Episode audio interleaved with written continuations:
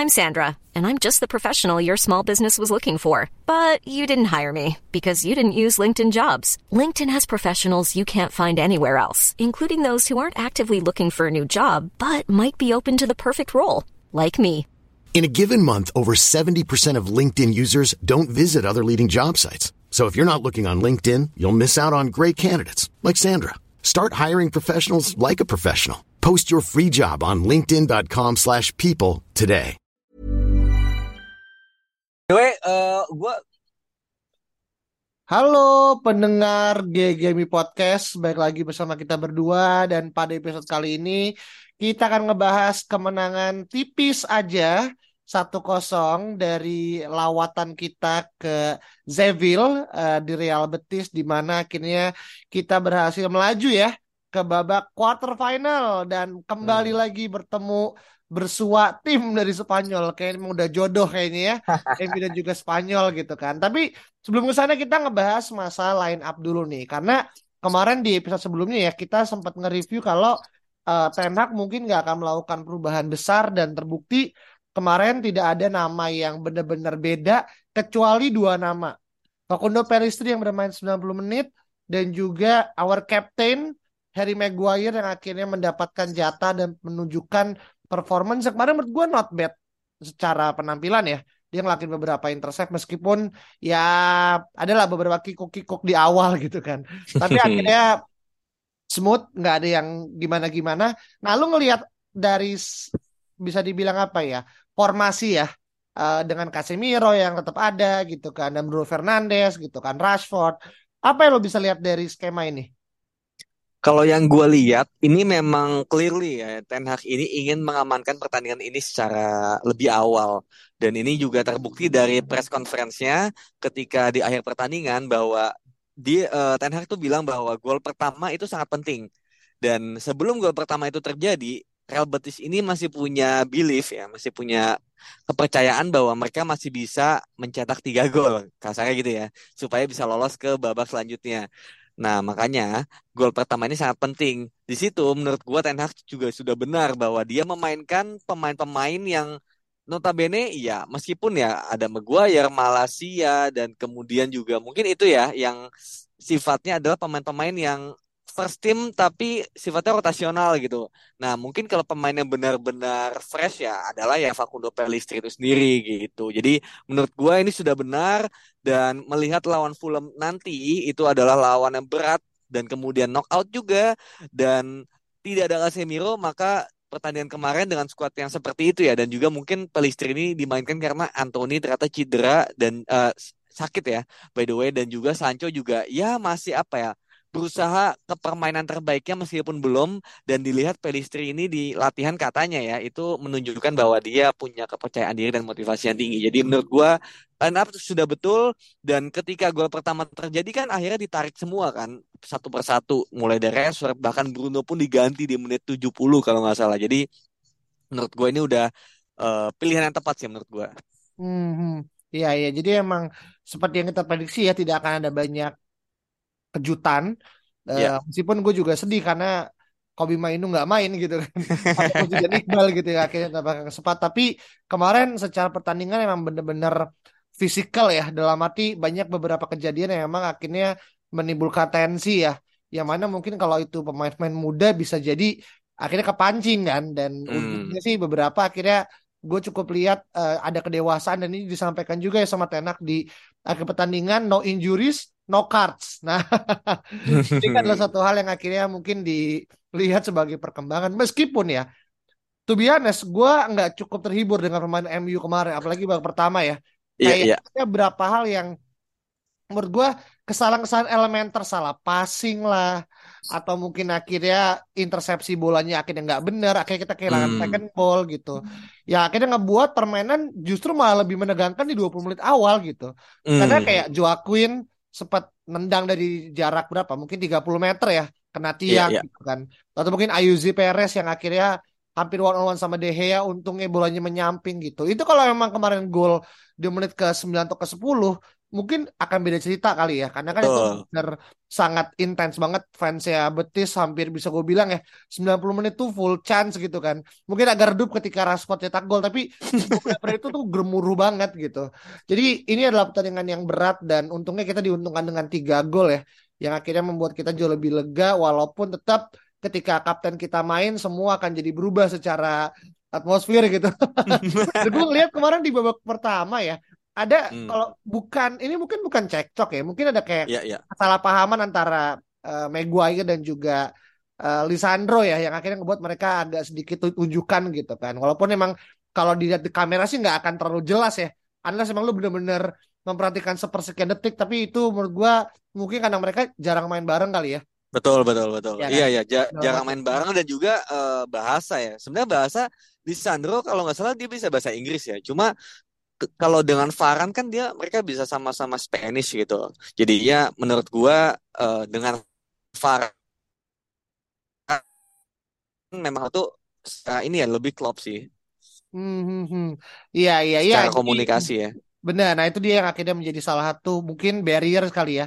Dan semoga sih memang ini adalah pembiasaan ya. Walaupun mungkin bisa jadi ini uh, pertandingan-pertandingan terakhir buat Maguire karena kan banyak rumor yang dia akan di Lego lah dan segala macam. Will sih lah apa yang jadi di uh, babak akhir gitu. Tapi ketika kita masuk ke babak kedua di mana tidak ada perubahan ya, gue cukup meskipun ya, ini sekali lagi ini unpopular opinion, uh, meskipun Rashford bermain eh bermain ya intinya mencetak gol lah ya dengan gol yang menurut gue keren banget pakai kaki bagian luar tuh ya hmm. di dari hmm. ini banget tapi ada beberapa chance yang dia tuh harusnya gol gitu tapi enggak gitu bahkan di babak babak hmm. menit di babak pertama dia sering kalah hmm. gitu kalah adu charge gitu kan yang mana kayak dia mungkin kelebihan adalah dia bermain jelek tapi ternyata gol gitu nah lu ada ini enggak apa namanya hmm. a point of view nggak terkait dengan gimana penampilan Ras, uh, Rashford secara form ya karena tadi kan gue lebih perhatiin kayak hmm. dia mainnya jelek kemarin lebih aneh gitu hmm. tapi ternyata gol gitu dengan gol yang menurut gue indah dan akses dari yeah, yeah. gitu gimana Vin? Ya menurut gua memang apa ya? Uh, ini juga bagian dari inkonsistensi ya dari permainan 90 menit. Pasti banyak juga pemain-pemain yang seperti itu. Bahkan mungkin uh, pemain seperti Bruno Fernandes juga sering juga bermain seperti itu. Hampir nggak kelihatan 60 menit tapi tiba-tiba gol atau asis gitu. Itu kan lebih kepada quality ya, individual quality dan juga bagaimana pemain juga bisa kadang on form, kadang off form juga gitu. Dan Rashford ini memang harus diakui sejak uh, Carabao ya kalau nggak salah ya. Pas sejak Barcelona memang Rashford ini lagi agak sedikit menurun ya dari sisi permainan. Meskipun da kalau dari sisi gol ya mungkin akhirnya bisa-bisa aja cetak satu atau dua gol gitu.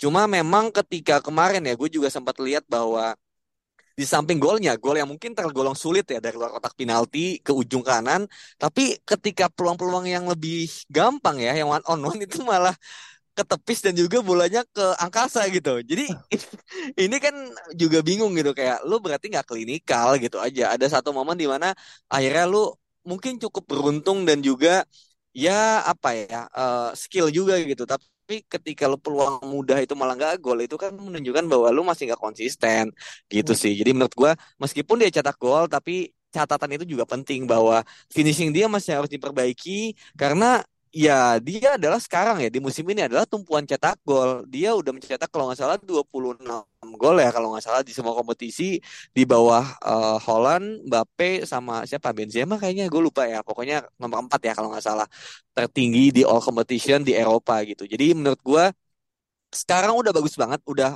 peningkatan yang cukup bagus ya dari musim-musim selanjutnya. Malah mungkin ini adalah musim terbaiknya dia dari sisi gol itu gitu. Cuma menurut gua dia bisa jauh lebih baik lagi kalau misalnya dia bisa memperbaiki sisi finishingnya. Nah mungkin kalau ngomongin finishing ya, Rashford ini kalau misalnya gua lihat-lihat ya, dan juga mungkin banyak banget orang yang melihat bahwa Rashford ini kalau misalnya finishing itu dia nggak pakai ini, nggak pakai apa ya, nggak pakai kaki bagian dalam tapi dia lebih kepada kaki bagian depan yang mana intensinya adalah tendangan yang keras gitu.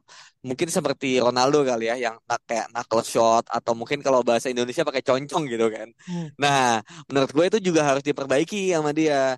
Kalau kayak kita lihat Anthony Martial atau Thierry Henry itu kan lebih kepada pakai kaki bagian dalam, nggak begitu keras, mungkin pelan, tapi terarah ke ujung dan itu udah hampir pasti masuk gitu. Nah, hmm. kalau Rashford kita juga gue ingat banget dia dapat dua atau tiga peluang matang lawan Tottenham gitu kan pas di home.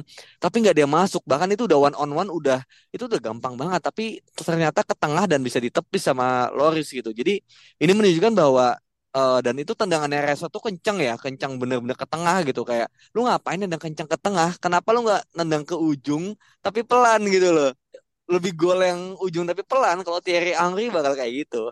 Atau hmm. Anthony Martial ya bahkan akan melakukan itu gitu. Jadi menurut gue Rashford sudah bagus tapi ketika one on one dan uh, apa namanya si situasinya lagi seperti itu menurut gue dia harus uh, belajar untuk lebih tenang dan gak usah kencang-kencang yang penting akurat itu.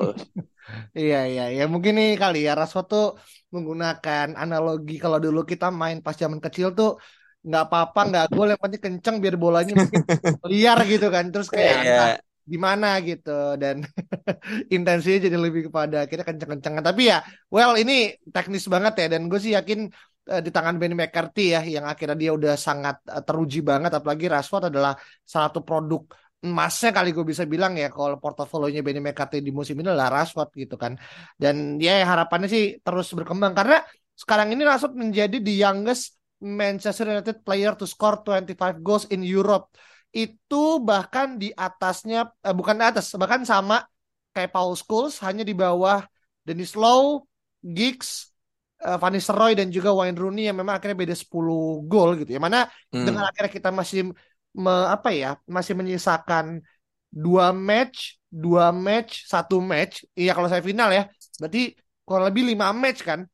Iya dan bisa aja mungkin nambah 4 atau 5 gol gitu kan. Menurut gue sih eh, ditambah juga musim depan dia juga masih bermain, menurut gue sih sangat mudah untuk mematahkan rekor Rooney di angka 35 gitu. Jadi ini hal yang akhirnya perlu kita syukuri sebagai bentuk dari ya bisa dibilang konsistensi tapi ini konsistensi juga dari Rashford gitu yang akhirnya mau nggak mau kita harus uh, terima gitu. Itu secara kita ngomongin Rashfordnya ya gitu kan. Tapi kalau kita ngomongin pemain-pemain lainnya jujur kemarin uh, Facundo Pelistri ya ada beberapa peluang akhirnya dia itu hampir di menit terakhir babak pertama tendangan setengah volinya yang quote unquote tuh kayak lemah tapi nggak sengaja ya gitu ya kena tiang dan hmm. Wei Horse akhirnya gagal gitu tuh akhirnya bisa menyentuh atau tap in bola gitu kan tapi menurut gue uh, bener apa yang lu bilang ya uh, Pelistri semenjak mungkin pas ngelawan terakhir kali kita di home ya itu cukup mendapatkan banyak angin segar gitu kan dan menurut gue sih Eh, nggak uh, salah kalau akhirnya mungkin dia akan dapat kesempatan dan mungkin akan bertahan karena pas kemarin Anthony Elanga masuk itu gue bisa bilang ini adalah worst game media banget sih. Kayaknya banyak hal akhirnya dia tuh salah ngambil keputusan, maksat nendang gitu kan. Dan mungkin dia ngerasa kayak dia being Rashford 2.0 di lapangan gitu, tapi sayangnya bukan gitu. Jadi gue ngerasa emang kenapa uh, Ten Hag gak mainin Elanga ya karena ya kita lihat ya betapa apa ya, kekanak-kanakan lah dalam arti hmm.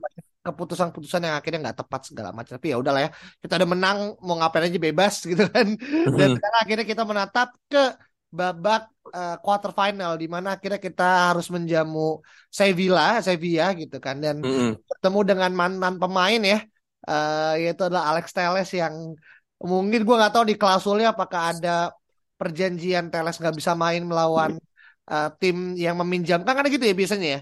Kalau akhirnya hmm. pemain kan ada klausul di mana kalau ketemu pemain yang bersangkutan tidak boleh bermain gitu karena kan takutnya jadi tapi kalau iya tapi kalau Eropa itu boleh kalau nggak salah. Soalnya Coutinho dulu kan pas dipinjemin ke Bayern lawan Barcelona tetap main kan? Oh iya. Gitu. iya terus juga uh, kalau nggak salah siapa ya di Liga Champion musim ini juga ada yang pinjaman gue lupa siapa ya uh, Liga Champion musim ini pinjaman tuh nanti di quarter finalnya juga bisa bermain. Oh ini Joe Cancelo Joe hmm. Oh iya benar benar Bayern lawan City tuh dia bisa main gitu. Jadi kalau Eropa tuh nggak ini sih, kayak cuma di Inggris doang kayak gitu. Hmm. Oke oke berarti kasarnya ini lah ya apa banyak hal yang mungkin dari sudut pandangnya Alex Telles mungkin pengen membuktikan ya. Karena kan jujur dia itu kan berarti sekarang dengan posisi sebagai LB di MU dia mungkin opsi ketiga kan di bawah hmm. Xiao di bawahnya Malaysia yang kemarin tampil menurut gue luar biasa ya. Walaupun tetap beberapa hal yang akhirnya ya pemain muda lah ya biasa gitu kan emosional segala tapi di babak kedua dia tuh benar-benar jadi kayak inverted uh, left back ya dan mm-hmm. itu hal yang akhirnya menjadi salah satu penampilan paling menonjol uh, Malaysia di, di mungkin di uh, apa namanya 2000 2003 2023 gitu kan. Tapi kalau kita akhirnya balik kepada Teles di Sevilla pun dia kan main sebagai LCB kan.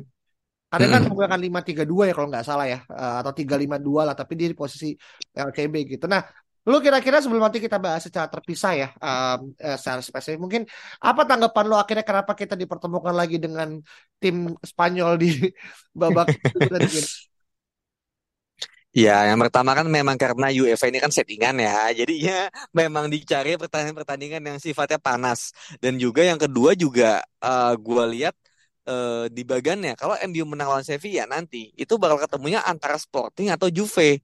Yang mana ya again itu juga pertandingan panas juga. Lawan Sporting bisa ada uh, reuni apa ya kayak ya itu mantannya klub mantannya Ronaldo dan juga mantannya Bruno dan juga ada Nani gitu kan. Jadi historikalnya juga tinggi.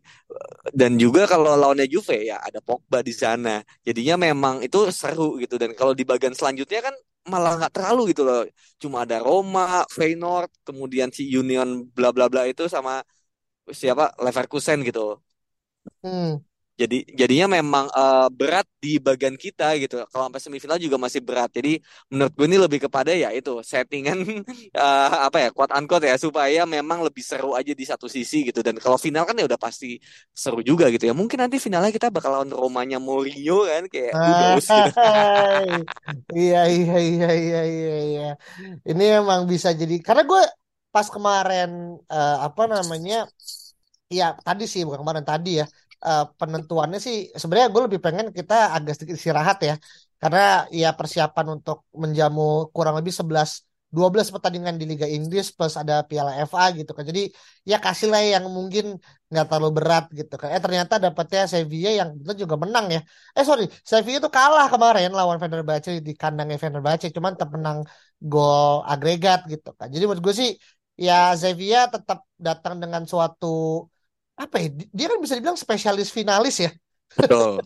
dan sengaja kan emang. Dia juga akhirnya masuk ke Liga Champion turun ke peringkat tiga terus melaju ke final gitu kan. Itu kan suatu hal hmm. yang akhirnya menjadi kayak pathway-nya Sevilla gitu. Dan mungkin udah jadi kayak kosan unquote settingan mungkin iya iya. Iya kan? Nah lu ngeliat ini adalah suatu hal yang akhirnya ini enggak jadi tantangan. Karena kita bertemu dengan tim yang bisa dibilang udah hampir lima kali mungkin main di final Piala apa namanya UEFA nih Vin? Eh Eropa nih Vin. Hmm, iya iya. Ya ya tentu ya itu ini tantangan dan gue jujur gue nggak takut ya. Selama again ya, selama uh, kita full tim dan terutama ada Casemiro nantinya gitu. Jadi Sevilla juga di liga nggak lagi bagus ya kalau nggak salah di ranking belasan. Jadi lagi jelek juga dan pelatihnya si Lopetegui juga pindah kan ke uh, apa Wolves gitu juga oh, gitu. Jadi ya. iya jadi menurut gua memang Sevilla sekarang bukan Sevilla yang dulu dan ini juga ajang kita untuk balas dendam dan juga kayak ya kalau kita bisa singkirkan Sevilla ya kita udah ngalahin tiga malah atau empat tim dari liga apa liga Liga Spanyol gitu kan. Seperlimanya udah kita kalahin gitu kan musim ini. Jadi kayak ya itu satu sisi pencapaian sendiri. Ya kalau kayak Barcelona aja bisa kita kalahin apalagi Sevilla gitu aja. Kayak harusnya ya harusnya ya, sih ya, bisa ya. gitu. Gua gua nggak takut apalagi kita main di home dulu kan. Ya. jadi kalau misalnya kita bisa uh, kayak kemarin ya lawan Betis kita bisa maksimalin laga home menang dengan selisih cukup besar tiga atau empat gol ya kemudian nanti di away-nya kita bisa lebih pragmatis seperti tadi sih. Jadi gua nggak takut sih I see. Dan gue membayangkan kalau nanti kita misalkan semifinal ya, Amin dan juga juara, terus nanti kan ada ini ya pertemuan antara juara UEFA dan juga juara dari Liga Champions kan. Madrid bisa juara gitu. Kita ketemu Madrid itu jadi suatu hal yang indah banget sih. Kita ngelawan Sociedad, kita ngelawan Betis, kita ngelawan Barca, kita ngelawan Sevilla, kita ngelawan Madrid misalkan ya kalau misalkan juara ya segala macam gitu kan. Dalam ini emang kita tuh ini emang bukan Europa League sini kayak kita main di Copa del Rey sih sama Super Copa sih kayak. kayak kita ini ya apa invited invited guest kali ya. iya, tim tamu nih kayak kita. Aduh, kacau kacau kacau. Ini jangan sampai akhirnya apa namanya Liga Spanyol jadi taman bermain MU. ya kita lihat ya semoga ya, ya Sevilla menang ya. Gimana kan? Akhir tapi Tenang juga akhirnya tadi juga gue baca ya di press conference bilang ya kita masih punya laga apa namanya international break ya setelah dari hari Minggu kita akan ketemu Fulham gitu kan. Yang mana Tena juga merasa ya ada kalau nggak salah tiga game dulu baru akhirnya kita akhirnya main di apa namanya lawan Zavia gitu kan. Jadi Tenang iya, betul. apa yang akan ada, ada di depan mata. Dan itu menurut gue sih satu hal yang uh, cukup wise lah untuk akhirnya supaya tidak terlalu hype dengan apa yang akhirnya ada tapi juga tetap uh, percaya bahwa saya ya setiap game is a final gitu. Termasuk juga bagaimana kita mengamankan posisi tiga besar ya uh, untuk akhirnya bisa terus nyodok ke atas gitu kan dan mungkin kita udah lagi tidak berfokus dalam arti mengejar juara karena tahu dengan beberapa teknikal kita ke belakang tapi untuk masuk ke empat besar gitu kan juara uh, UEFA gitu kan dan juga akhirnya masih bisa mendapatkan piala FA sampai final menurut gue itu hal yang paling bisa untuk didapatkan anak di musim pertama gitu. Dan untuk terkait dengan spesifik previewnya mengenai Sevilla akan kita bahas ya nanti ketika udah mungkin Hamin dua Hamin tiga gitu kan biar lebih detail dan terbaru nih apa nih update siapa tahu mungkin kan Anthony Martial sekarang barusan banget gue cek nih udah mau latihan bareng sama teman-teman gitu kan terus tiba-tiba nanti Hamin tiga hari dia cedera lagi gitu. Iya iya. Happen kan. Dan juga Martial kan ketemu sama tim yang akhirnya kan pernah di loan kan. Iya iya betul. Iya kan uh, di musim iya, iya. lalu ya kan segala macam. Mm. Pun nggak nggak berujung manis ya. Karena kalau manis pasti dibeli tuh sama sama Sevilla kan segala macam gitu. Jadi ini mungkin adalah ajang di mana mungkin Martial bisa bisa dipandang lagi ya sama mm. mantan klub gitu kan siapa tahu mau ditebus uh, release clause-nya gitu kan dan ya lumayan lah ada tambahan uang kan untuk beli striker muda gitu tapi intinya sih banyak emosional ini ya yang akhirnya terjadi gitu dan we looking forward dan mungkin kalau teman-teman punya pendapat yang berbeda silahkan langsung aja untuk bisa mereply di Twitter at Podcast dan jangan lupa untuk kasih bintang 5 dan follow kita di Spotify di at GGMI Podcast. Kita ketemu lagi nanti. Bye-bye. Planning for your next trip? Elevate your travel style with Quince. Quince has all the jet setting essentials you'll want for your next getaway, like European linen, premium luggage options, buttery soft Italian leather bags, and so much more. And is all priced at 50 to 80% less than similar brands. Plus, Quince only works with factories that use safe and ethical manufacturing practices. Pack your bags with high-quality essentials you'll be wearing for vacations to come with Quince. Go to quince.com slash pack for free shipping and 365-day returns.